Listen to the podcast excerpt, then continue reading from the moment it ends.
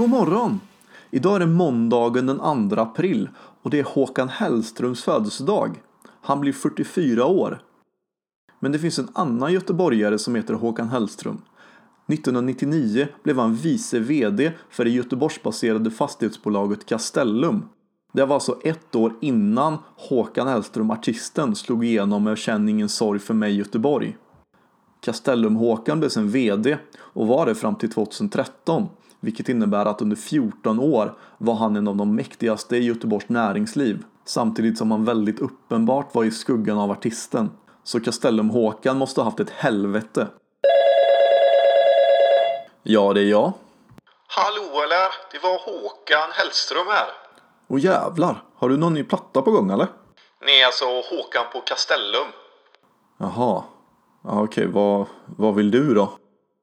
Det var antagligen så det lät om dagarna för Håkan. Den här dagen 1912 lämnar Titanic det skeppsvarv i Belfast där det har byggts för att köra till Southampton och plocka upp passagerare. Resten av historien kan ni, men nu kommer någonting för er konspirationsteoretiker, så på med foliehatten. 14 år tidigare, 1898, släpper författaren Morgan Robertson en bok som handlar om skeppet Titan. Och historien är misstänkt lika. Förutom namnet på skeppen så var båda beskrivna som det största skeppet som någonsin byggts. Och de ansågs också som osänkbara. Båda var ungefär 800 fot långa, vägde ungefär 45 000 ton och var byggda för 3000 passagerare. De tog av på sin resa i april och eh, båda krockade med ett isberg i norra Atlanten. Och majoriteten av passagerarna drunknade från båda skeppen på grund av att det fanns för få livbåtar. 1912, när Titanic precis hade sjunkit, så gav Robertson ut boken på nytt igen. Men hade bytt namn på den. Den hette tidigare Futility, men nu hette den istället Wreck of the Titan.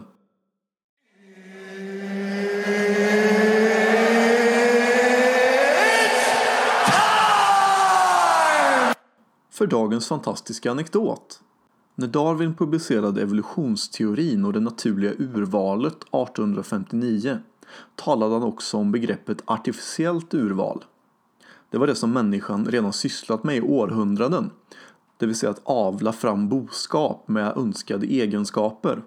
Darwin beskrev det som samma mekanism som naturligt urval, bara att processen var accelererad av människor. Sex år efter Darwins publicering tog hans halvkusin Francis Galton upp en känslig fråga kopplat till Darwins teori. Han publicerade artikeln Ärftlig talang och karaktär. Där föreslog han att man kunde åstadkomma önskade egenskaper hos människor genom att avla på samma sätt. Det kom att nämnas som begreppet eugenics. Den tidiga diskussionen om eugenics problematiserade fenomenet att fattiga människor tenderar att få fler barn än de som har det bättre och därför skulle medel-IQ bland befolkningen sjunka.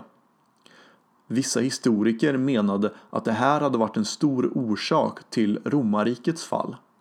Historiker och forskare har visat på att det är få väldigt intelligenta människor som fört världen framåt med Beethoven och Bach inom musiken, Newton och Pascal inom matematiken och Einstein och Hawking inom fysiken. Därför ansågs det oroväckande om medel-IQ till exempel skulle falla med 5 poäng. För det skulle i sin tur innebära att andelen över 130 skulle sjunka med 56%. Även om IQ-måttet var långt ifrån perfekt så illustrerade det hur en sån utveckling skulle kunna hämma samhällets utveckling. Prominenta personer omfamnade idén och engagerades i så kallade intellektuella samlag. Till exempel Alexander Graham Bell, Nikola Tesla, Winston Churchill och de amerikanska presidenterna Wilson och Coolidge. Supportrarna populariserade eugenics som ett sätt att skapa en bättre värld och som en process att höja det mänskliga tillståndet både fysiskt och mentalt. I slutet på 1800-talet instiftade flera amerikanska stater lagar om att epileptiker, sinnessvaga och idioter skulle steriliseras. Många av de här lagarna kom att stå sig i flera årtionden. I Encyclopedia Britannica 1911 kan man läsa definitionen av eugenics som den organiska förbättringen av rasen genom klokt applicerade ärftlighetslagar. Organisationen Eugenics Record i New York samlade in hundratusentals stamstavlor i sin research och stödde fenomenet. De ville sprida sin vision om genetisk överlägsenhet och gjorde det bland annat genom att sponsra så kallade Fitter Family-tävlingar på mässor runt om i USA. Bredvid djur med fina stamtavlor och välodlade grönsaker betygsattes alltså så kallade välavlade familjer genom att utvärdera deras kroppar och mäta deras mentala kapacitet. Familjen som vann fick en pokal och de som fick betyget B plus eller högre fick en medalj där det stod Ja, jag har ett bra arv.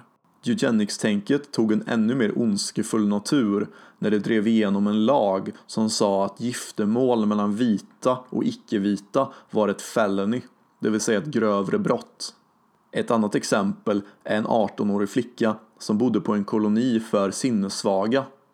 Både hon och hennes bebis blev steriliserade mot sin vilja efter att målet gått ända till högsta domstolen. Domen blev ett prejudikat, det vill säga ett riktmärke för liknande juridiska fall.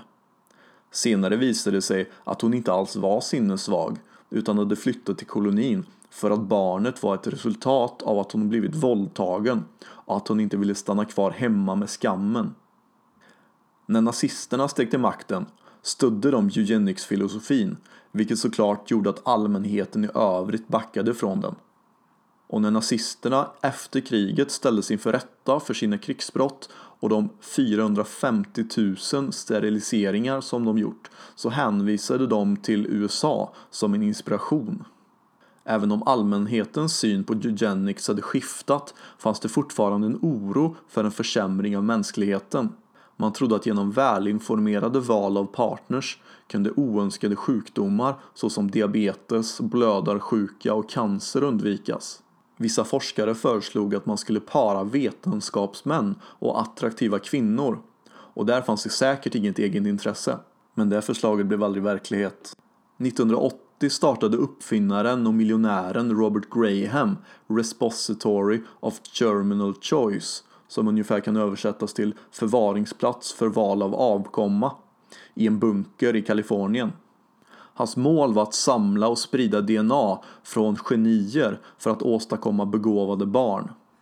I mer än 15 år kontaktade han nobelpristagare, OS-guldmedaljörer, framstående forskare och andra personer med högt IQ.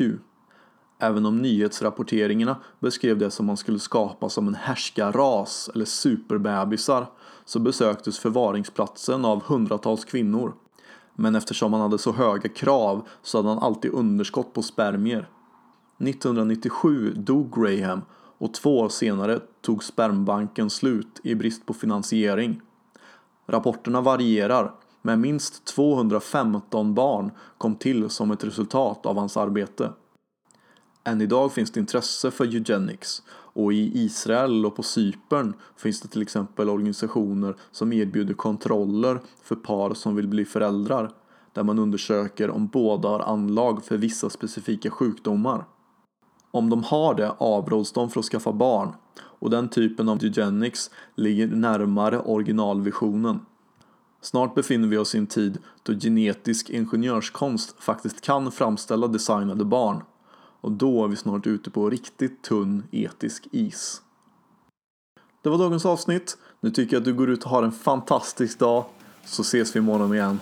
Ha det gott. Hej!